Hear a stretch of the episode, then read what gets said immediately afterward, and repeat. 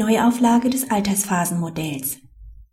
Der unterhaltsberechtigte Elternteil kann zur Aufnahme einer Vollzeittätigkeit bzw. Aufstockung seiner Berufstätigkeit auf Vollzeit in der Regel erst ab Vollendung des 14. Lebensjahres des von ihm betreuten Kindes verpflichtet werden. Seit der Unterhaltsrechtsreform kann Betreuungsunterhalt nach 1570 BGB ab Geburt des Kindes ohne weitere Begründung nur für drei Jahre verlangt werden.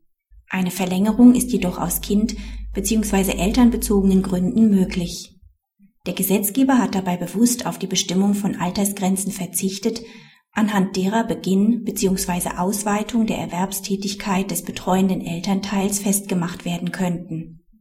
Den besonderen Anforderungen und Bedürfnissen der Kinder in bestimmten Lebensabschnitten muss jedoch weiterhin allgemeingültig Rechnung getragen werden können. Eine pauschalierende Betrachtungsweise hält der Senat daher für veranlasst. Danach ist die Aufnahme einer Vollzeittätigkeit erst ab Vollendung des 14. Lebensjahres des Kindes verpflichtend. Bei einem elfjährigen betreuungsbedürftigen Gymnasialkind, wie im konkret zu entscheidenden Fall, kann auch nicht mit hinreichender Sicherheit vorhergesehen werden, wie lange und umfangreich das Kind noch der Betreuung bedarf, so dass eine Herabsetzung oder Befristung des Unterhaltsanspruchs zum jetzigen Zeitpunkt nicht möglich ist. Praxishinweis. Der BGH hat in seiner Entscheidung vom 17.12.2008 zum nachehelichen Karrieresprung klargestellt, dass jedenfalls ab Vollendung des 15. Lebensjahres des jüngsten von zwei Kindern eine Vollzeittätigkeit erwartet wird.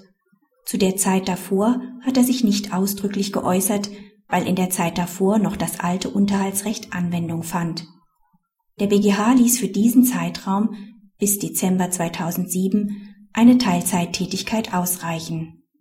Allen Oberlandesgerichten ist gemeinsam, dass der Unterhaltsberechtigte eine besondere Betreuungsbedürftigkeit seines Kindes im Einzelfall vortragen und belegen muss. Der rein pauschale Verweis auf das Alter des Kindes und das überobligatorische Tätigwerden bei Ausübung einer Vollzeittätigkeit neben der Kinderbetreuung genügt nicht.